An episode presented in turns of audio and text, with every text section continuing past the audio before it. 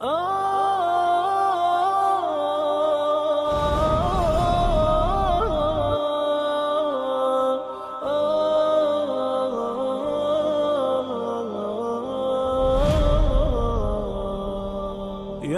حامل القرآن قد خصك الرحمن بالفضل والتيجان والروح والريحان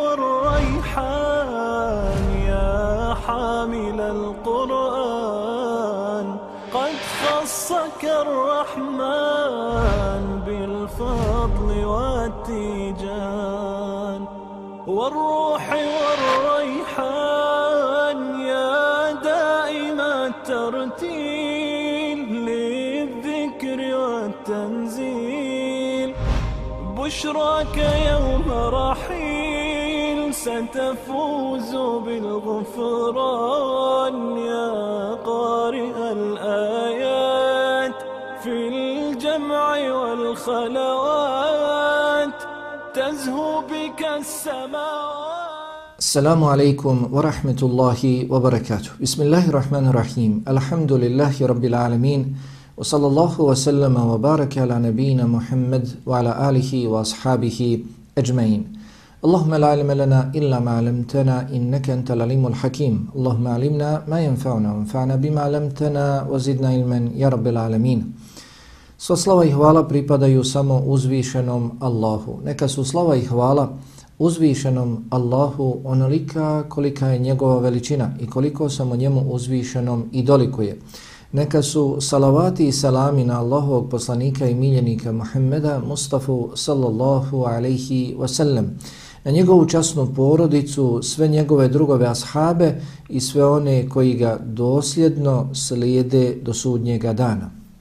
Na početku i na kraju i u svakom stanju mi se ponizno i pokorno vraćamo našem gospodaru Allahu subhanahu wa ta'ala i svjedočimo da nemamo drugog znanja osim onog znanja kojeg nam uzvišeni Allah podari iz svoje dobrote, blagodati i milosti. Zato i molimo našeg gospodara da nam tu svoju dobrotu, blagodati i milost prema nama poveća, da nam podari korisno znanje, znanje od kojih ćemo se okoristiti, svoj život po njemu uskladiti i tako ga popraviti, a doista je uzvišeni Allah, sveznajući, svemogući i mudri. Dragi i poštovani gledalci, dobrodošli u još jednu našu i vašu emisiju u serijalu emisija Tumačenje časnog Kur'ana. U serijalu tumačenje časnog Kur'ana kao što mu samo ime i govori, družimo se sa časnim Kur'anom, Allahom subhanahu wa ta'ala knjigom Kur'an i Kerimom. Družimo se i saznajemo šta nam to naš uzvišeni gospodar u njoj poručuje. O čemu nam to sve uzvišeni Allah govori, šta nam naređuje, šta nam zabranjuje, kakva je to u stvari knjiga? Nadnaravna, to je govor Allaha subhanahu wa ta'ala. Do dan danas, I do sudnjega dana tako će biti, niko neće moći doći s nečim sličnim Kur'an i Kerimu. Kao što su tadašnji nevjernici za vrijeme poslanika Muhammeda sallallahu alaihi wa sallam prizivali i govorili da je taj Kur'an dijelo Muhammeda ili nekoga drugog, Allah subhanahu wa ta'ala je tada njima, a i svim ostalim nevjernicima koji se svakodnevno pojavljuju, javljaju i misle da mogu nauditi Allahu subhanahu wa ta'ala knjizi, misle da mogu oskrnaviti Allahu subhanahu wa ta'ala knjigu, pa sure nazvane određenim imenima od Allaha subhanahu wa ta'ala oni preinačuju i govore da im je ime zbog njihove sadržine. Kako su to oni svojim manjkavim razumom shvatili da im je ime potpuno drugačije? Pa Allah subhanahu wa ta'ala kaže za suru Nur, dakle imenuje svjetlom i doista propisi koji su došli u suri Nur.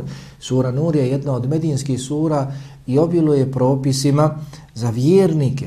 Tačno, ta sura i taj Kur'an je uputa, milost od Allaha subhanahu wa ta'ala za vjernike, za one koji razuma imaju, razuma koji ih podstiče da budu sve bolji i bolji, da čuvaju svoj jezik, da budu od koristi drugima, da kao što vjeruju Allaha subhanahu wa ta'ala, žele sebi dobro, da isto tako žele i drugima dobro. Pa ta sura je doista svjetlo, dočim današnji pojedini manjkavi razumi tu suru potpuno drugačije nazivaju zato što je nisu razumjeli kako treba.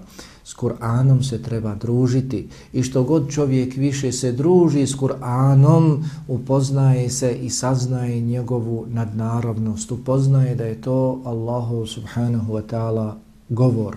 To je muđiza, nadnaravno dijelo.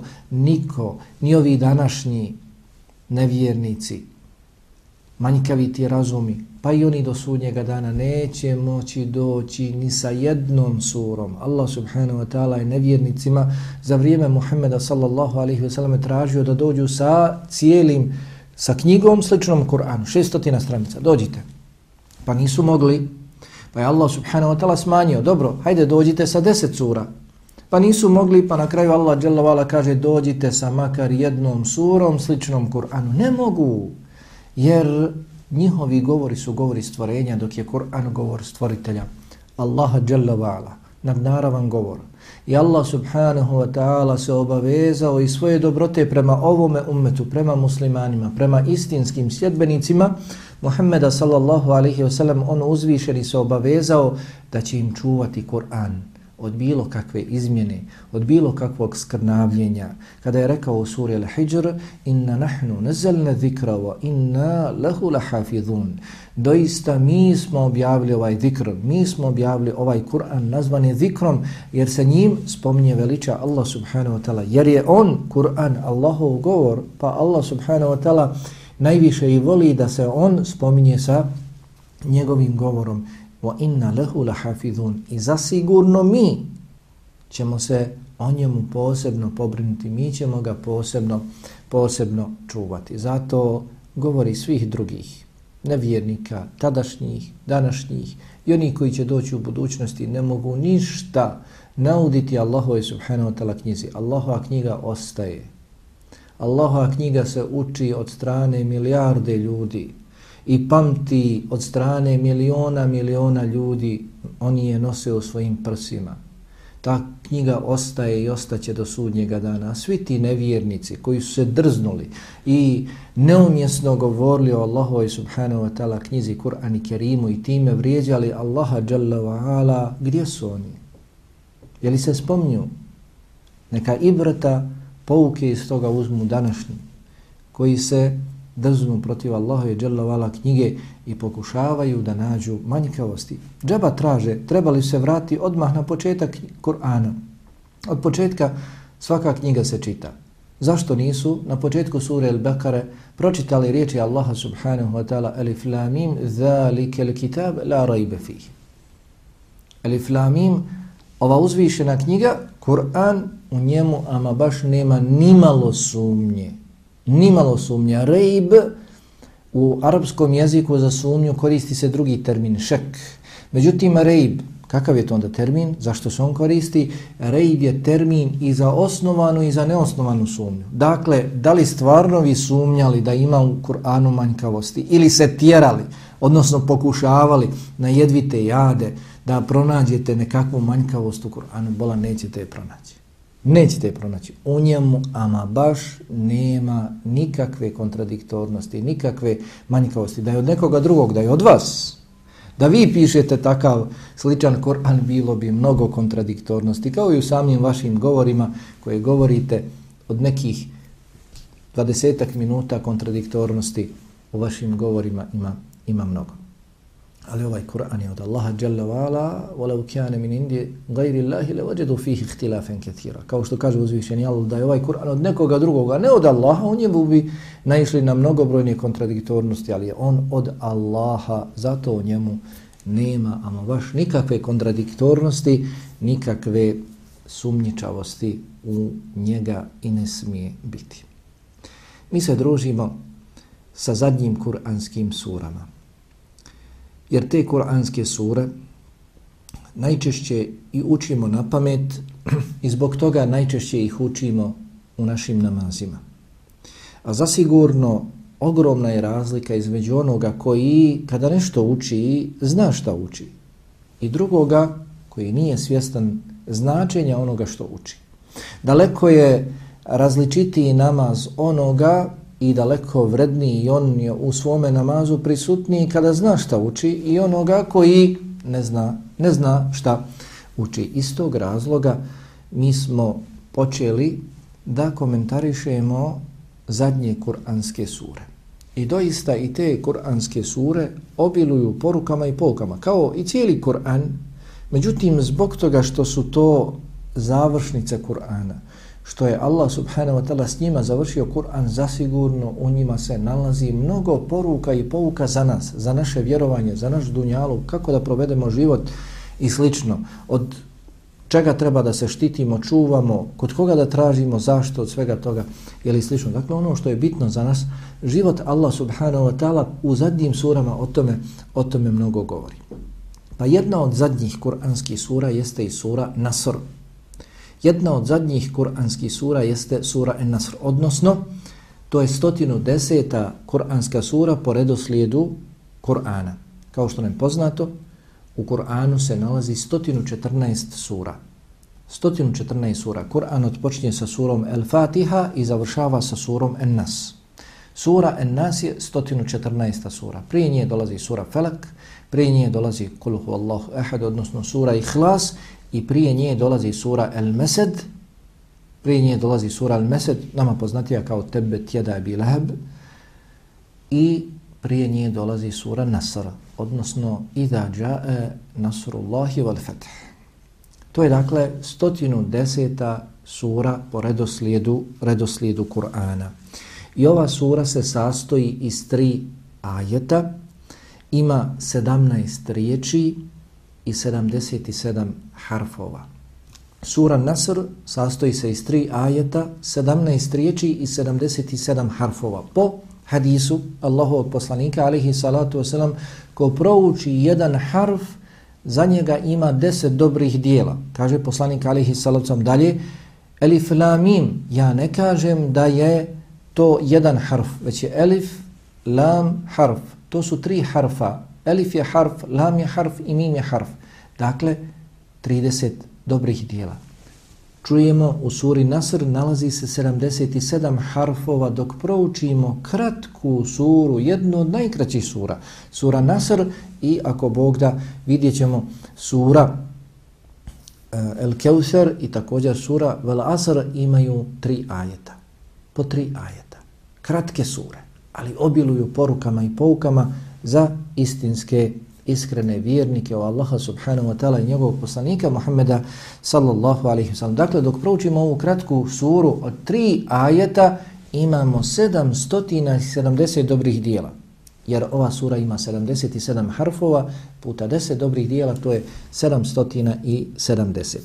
Naziva se sura Nasr zbog riječi i njene sadržene, također zbog riječi Nasr koja se spominje u prvom ajetu, odmah, Ida džae Nasrullah, Ida džae Nasr, kada dođe pomoć od Allaha.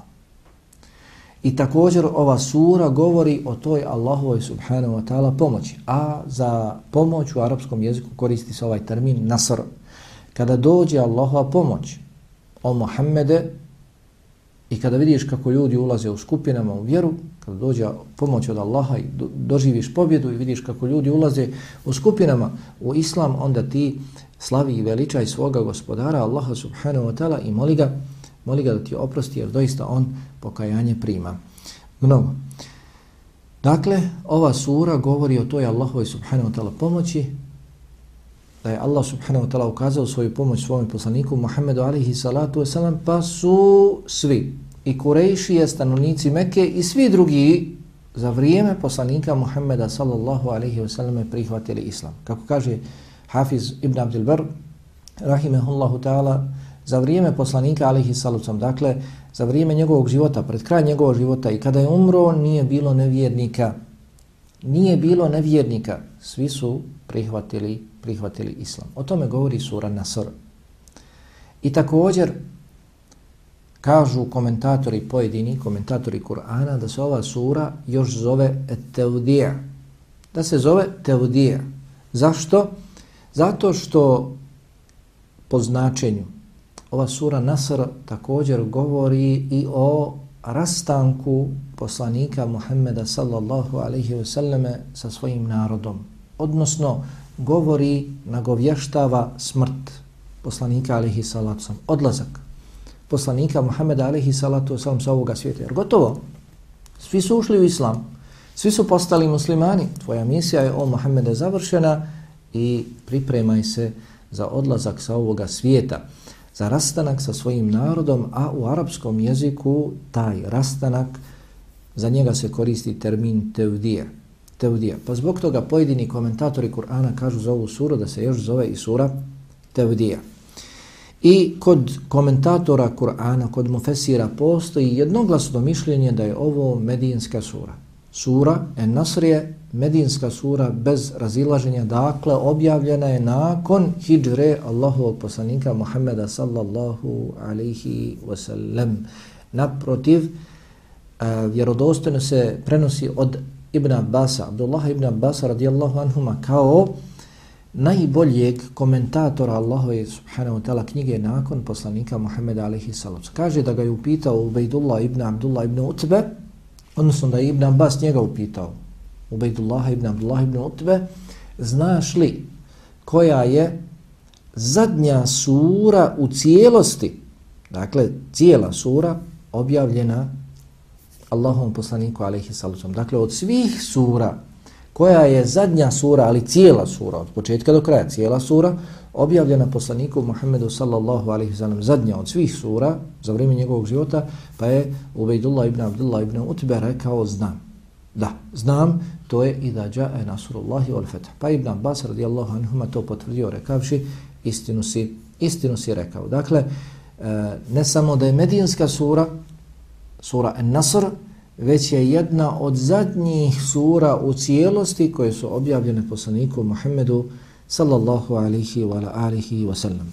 Ova sura, cilj njenog objavljivanja, koja je imala, koje je sve imala i ciljeva ova sura, sura Nasr, dakle, prije svega da obraduje poslanika Muhammeda sallallahu alihi wa sallam sa dolaskom Allahove pomoći, sa pobjedom, pobjedom Islama, Također i da nagovijesti njemu, poslaniku Muhammedu sallallahu alaihi wasallam, ali i njegovim ashabima, da im se bliži rastanak s voljenim poslanikom Muhammedom sallallahu alaihi wasallam. Ova sura nagovještava smrt poslanika alaihi sallam.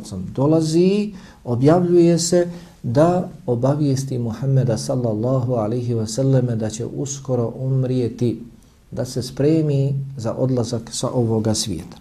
Također, cilj objavljivanja ove sure jeste također donošenje radosne vijesti poslaniku Muhammedu sallallahu alaihi wasallam da mu je Allah dželavala vala oprostio sve grijehe, odnosno to je nagovještaj ulaska u džennet bez jednog grija. Dakle, da mu je poslanik Muhammed, da, da, da je Allah dželavala vala poslaniku Muhammedu alaihi sallam oprostio sve grijehe. I također, ova sura ima za cilj da postakne i poslanika alaihi salatu wasalam, ali i sve nas nakon njega, jer ova sura stoji u Kur'anu, Kur'an je do sudnjega dana, ova sura, dakle, imala je za cilj da postakne sve iskrene, istinske Allahove robove da mnogo slave i veličaju Allaha subhanahu wa ta'ala u svim situacijama i da mnogo traže oprosta od Allaha subhanahu wa ta'ala da mu budu zahvalni na njegovim blagodatima. Ova sura, povezana je sa prethodnom surom. Prije ove sure dolazi sura Al-Kafirun. Prije ove sure, po redoslijedu kuranskih sura, dolazi sura Al-Kafirun. Pa zasigurno da postoji veza između ove sure, sure Nasr i prethodne sure, sure Al-Kafirun. Koja veza? U suri Al-Kafirun Allah subhanahu wa ta'ala traži od poslanika Muhammeda sallallahu alaihi wa sallam da se odrekne mnogobožaca. Onih koji uz Allaha obožavaju i druge i da se odrekne svih nevjernika koji ne vjeruju u Allaha dželavala. Allah dželavala traži od poslanika Muhammeda alihi salatu sam da kaže meni moja vjera, vama vaša vjera. Meni moja dijela i moj način života, vama vaš. Čekajte i ja ću čekati. Vidjet ćemo ko je u pravu. Nakon toga Allah subhanahu wa ta'ala spominje ovu suru u svome Kur'anu, suru An-Nasr, kao dakle radosnu vijest od Allaha subhanahu wa ta'ala Muhammede, nakon što si se odrekao nevjernika, nemaš ništa više s njima, onih koji obožavaju uz Allaha i druge, druge smatraju Allahu subhanahu wa ta'ala, Allah će te zbog tvog odricanja, zbog tvoje borbe protiv njih, zbog tvoje čvrstine u vjeri pomoći. I Allah će ti dati pobjedu. Allah će dati da tvoja vjera zaživi, da tvoja vjera se proširi i dostigne do svih, do svih krajeva. Dakle, jasno obožavanje samo Allaha subhanahu wa ta'ala jednog jedinog i negiranje svih drugih lažnih božanstava, da bilo šta, bilo ko tih lažnih božanstava ima nekakvo pravo da se obožava, dakle onaj ko to negira i obožava samo Allaha subhanahu wa ta'ala jednog jedinog, njemu će Allah ukazati svoju pomoć i ukazati, dati mu pobjedu od sebe, kao što je dao poslaniku Muhammedu sallallahu alihi wa ala alihi wa sallam. Dakle, ova sura je objavljena u Medini i po tom pitanju slažu se svi islamski učenjaci.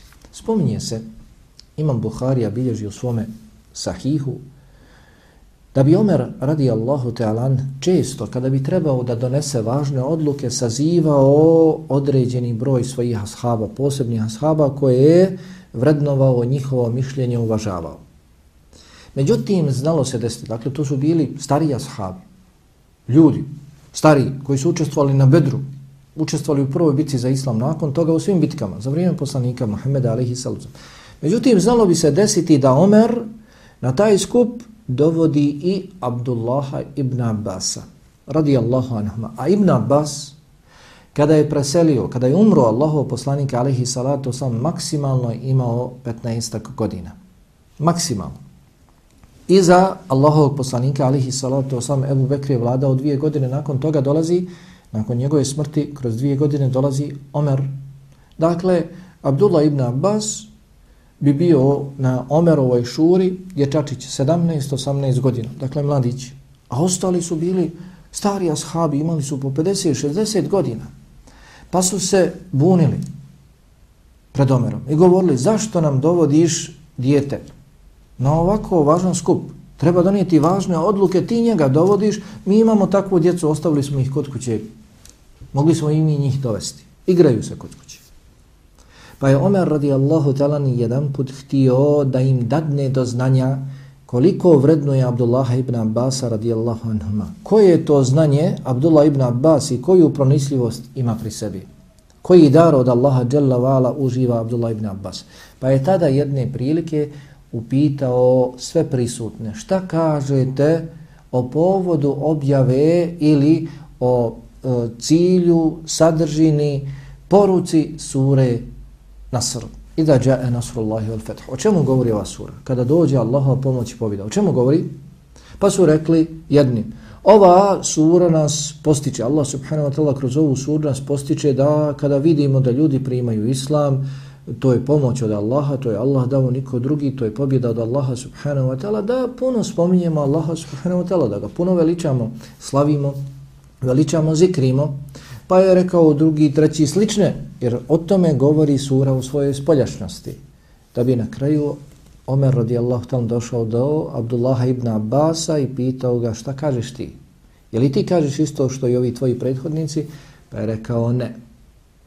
Ja kažem da sura An-Nasr, Iza ja'a nasrullahi wal fetha, govori o smrti Allahov poslanika Muhammeda sallallahu alaihi wa sallam. Ova sura nagovještava smrt. Uskoro će umrijeti Muhammed sallallahu alaihi wa alihi wa sallam, pa je Omer slušajući Ibn Abasa, rekao drugima i ja ne znam ništa drugo do ovo ovo što kaže taj mladić, taj dječačić kojeg vi ušutkujete i istjeravate sa ovoga skupa, ja znam samo ono što je on rekao. To što ste vi spomenuli, meni nije, meni nije poznato. A dobro nam je poznato kakvo mjesto je također Omer radijallahu talan imao u nauci. Također se prenosi od Ibn Abasa, bilježi imam Ahmed od Ibn Abasa radijallahu anhuma da je rekao kada je objavljeno i da džae nasrullahi wal fath da je tada poslanik Muhammed sallallahu alihi wasallam rekao nagoviješte nam je smrt. Nagoviješte nam je smrt. Pa je on doista u toj godini umro. Kada je objavljena sura Ida jae nasrullahi wal fath Tada je poslanik alihi salatu islam rekao nagoviješta nam je smrt pa je u toj godini i umro. Dakle, Allah subhanahu wa ta'ala nakon bismillah, bismillahirrahmanirrahim, kaže Ida jae nasrullahi wal fath. Kada dođe Allahova pomoć i pobjeda. Kada dođe nasr, po pitanju riječi nasr, komentatori Kur'ana imaju mnoga značenja.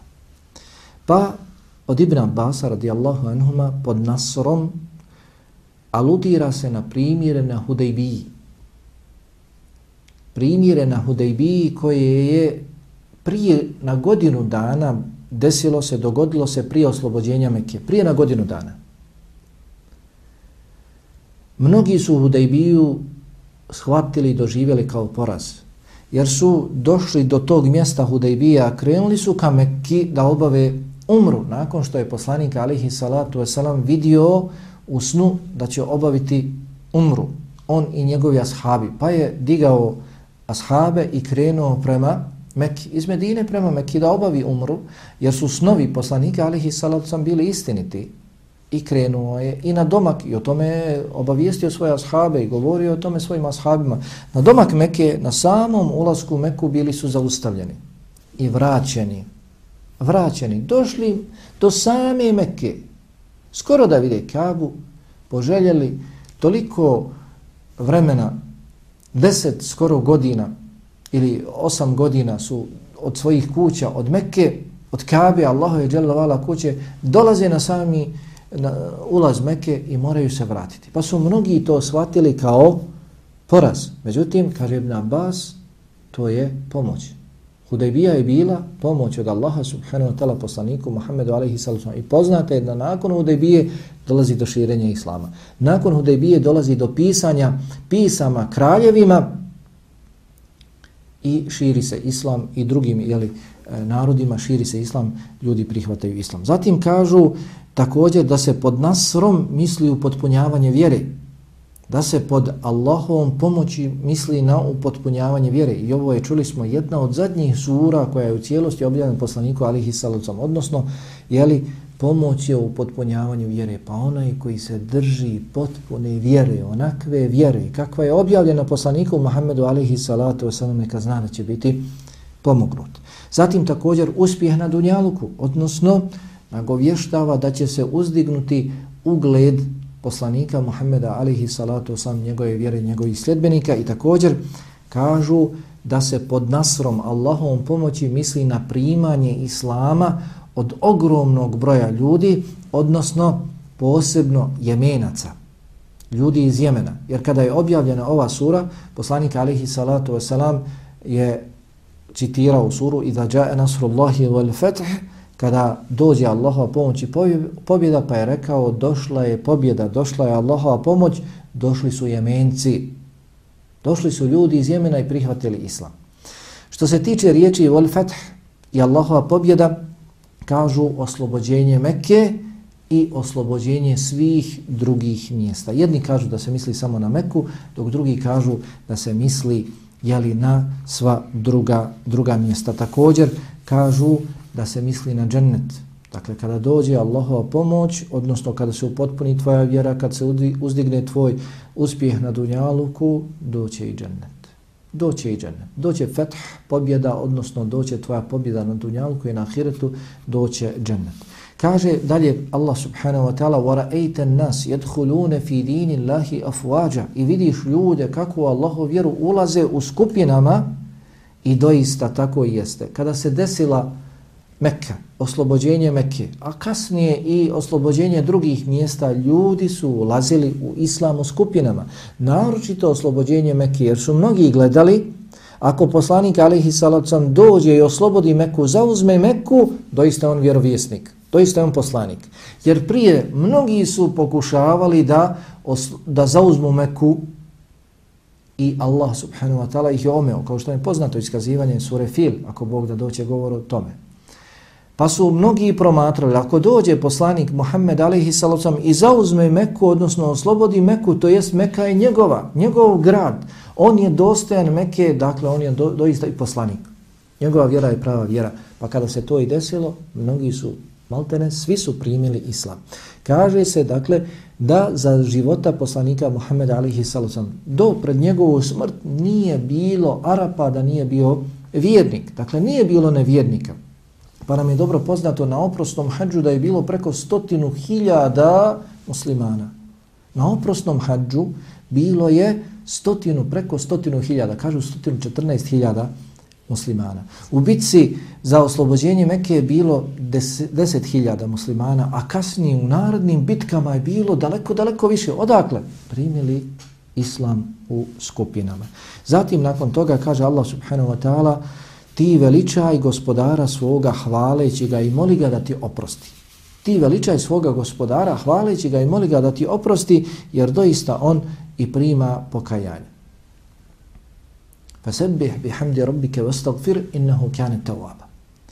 Tada, kada vidiš dakle Allahovu pomoć, Allahovu pobjedu, potpunjavanje vjere, širenje vjere, uzdizanje ugleda, oslobađanje Mekke, tvoj dolazak od Kabe, ponovo, tvoji jeli, susreti sa Kabom, širenje vjere toliko da svi prihvataju Islam, budi zahvalan Allahu na tome. Budi zahvalan Allahu na tome, slavi, veliča i spominji Allaha subhanahu wa ta'ala mnogo, traži oprosta za svoje grijehe, jer tvoj odlazak sa ovoga svijeta se približio. Tvoja misija je završena, tvoj odlazak sa ovoga svijeta se približio, pripremaj se polahko, tako što ćeš mnogo slaviti i veličati Allaha subhanahu wa ta'ala. Zato se i kaže u citatu kod imama muslima i kod drugih od Ajše radijallahu ta'ala anha da je pred kraj svoga života Allahov poslanika alihi salatu sam u svakom namazu učio na ruku, na seđdi subhanak Allahumma bihamdik Allahumma gfirli subhanak Allahumma bihamdik Allahumma gfirli i druge dove od umu selemi, druge supruge Allahovog poslanika alihi salatu sam se spominje da nikada nije došao niti izašao, došao u kuću ili izašao, sjeo ili ustao da nije govorio subhanallahi wa bihamdi, subhanallahi wa bihamdi, subhanallahi wa bihamdi, pa sebih bihamdi rabbik, kaže Jalla Pa ti slavi i veliča i hvali svoga, svoga gospodara i traži oprosta jer doista Allah subhanahu wa ta'ala mnogo prima pokajanje. Dakle, ova sura Nasr nas podučava da pobjeda dolazi sa Allahovom pomoći. Zato treba tražiti pomoć od Allaha subhanahu wa ta'ala pomoć neće doći sama. Moramo moliti Allaha subhanahu wa ta'ala za pomoć i raditi sve ono što nam je propisao Allah subhanahu wa ta'ala da radimo kako bismo došli do pomoći Allaha je subhanahu wa ta'ala, a nakon toga i do pobjede, odnosno kako bismo ostvarili svoj uspjeh. Na osnovu, dakle, ovoga zaključujemo da nije dozvoljno sjediti i čekati da pomoć dođe sama, već moramo raditi. Također, iz ove sure zaključujemo da je dozvoljno obavijestiti druge o nečijoj smrti, kao što Allah subhanahu wa ta'ala obavještava sve nas o smrti poslanika Muhammeda alihi salatu sam kroz ovu suru. Također sura An-Nasr postiče nas na zahvalnost Allahu subhanahu wa ta'ala na njegovim blagodatima. Kada vidiš blagodat Allahu subhanahu wa ta'ala, onda slavi veličaj i traži za svoje grijehe oprosta. Također ova sura postiče nas da mnogo činimo istikfar, da mnogo tražimo oprosta od Allaha subhanahu, subhanahu wa ta'ala, naročito kada završimo sa nekim svojim dijelom. Mnogi misle kada završe sa svojim dijelom da idu da odmaraju. Ne, tek tada Allah subhanahu wa ta'ala traži od nas da činimo istikfar njemu, da tražimo od njega oprosta jer bojati se da je to naše djelo bilo manjkavo, da je bilo propusta. Zato Allahu subhanahu wa ta'ala posebni robovi jeli, nakon što završe dobro djelo, onda traže oprosta kod Allaha subhanahu wa ta'ala. Molim Allaha jalla vala da nas učini od onih koji će obožavati samo Allaha subhanahu wa ta'ala, svim drugim lažnim božanstvima negirati dostojnost da se obožavaju, koji će slijediti samo poslanika Muhammeda alihi salatu sam, moliti Allaha jalla vala za pomoć i pobjedu, biti mu zahvalni na njegovim blagodatima, mnogo ga slaviti, hvaliti, veličati. Molim Allaha subhanahu wa ta'ala da ove riječi učini dokazom za nas, a ne protiv nas. Molim Allaha subhanahu wa ta'ala da oprosti meni i vama, mojim i vašim roditeljima i svim vjernicima, muslimanima i muslimankama. Walhamdulillahi rabbil alamin. Sallahu ala nabina Muhammed wa ala alihi wa ashabihi ajma'in. Wassalamu alaikum wa rahmetullahi wa barakatuh. Oh!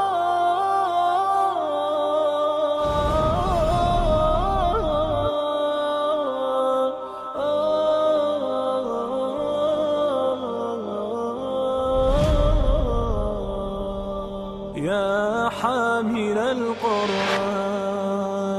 قد خصك الرحمن بالفضل والتيجان.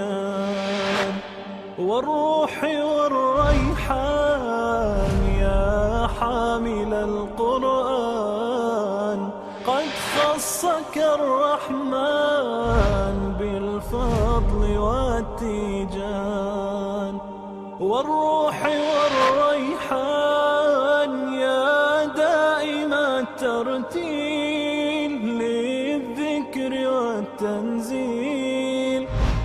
بشراك يوم رحيل ستفوز بالغفران يا قارئ الآيات في الجمع والخلوات تزهو بك السماوات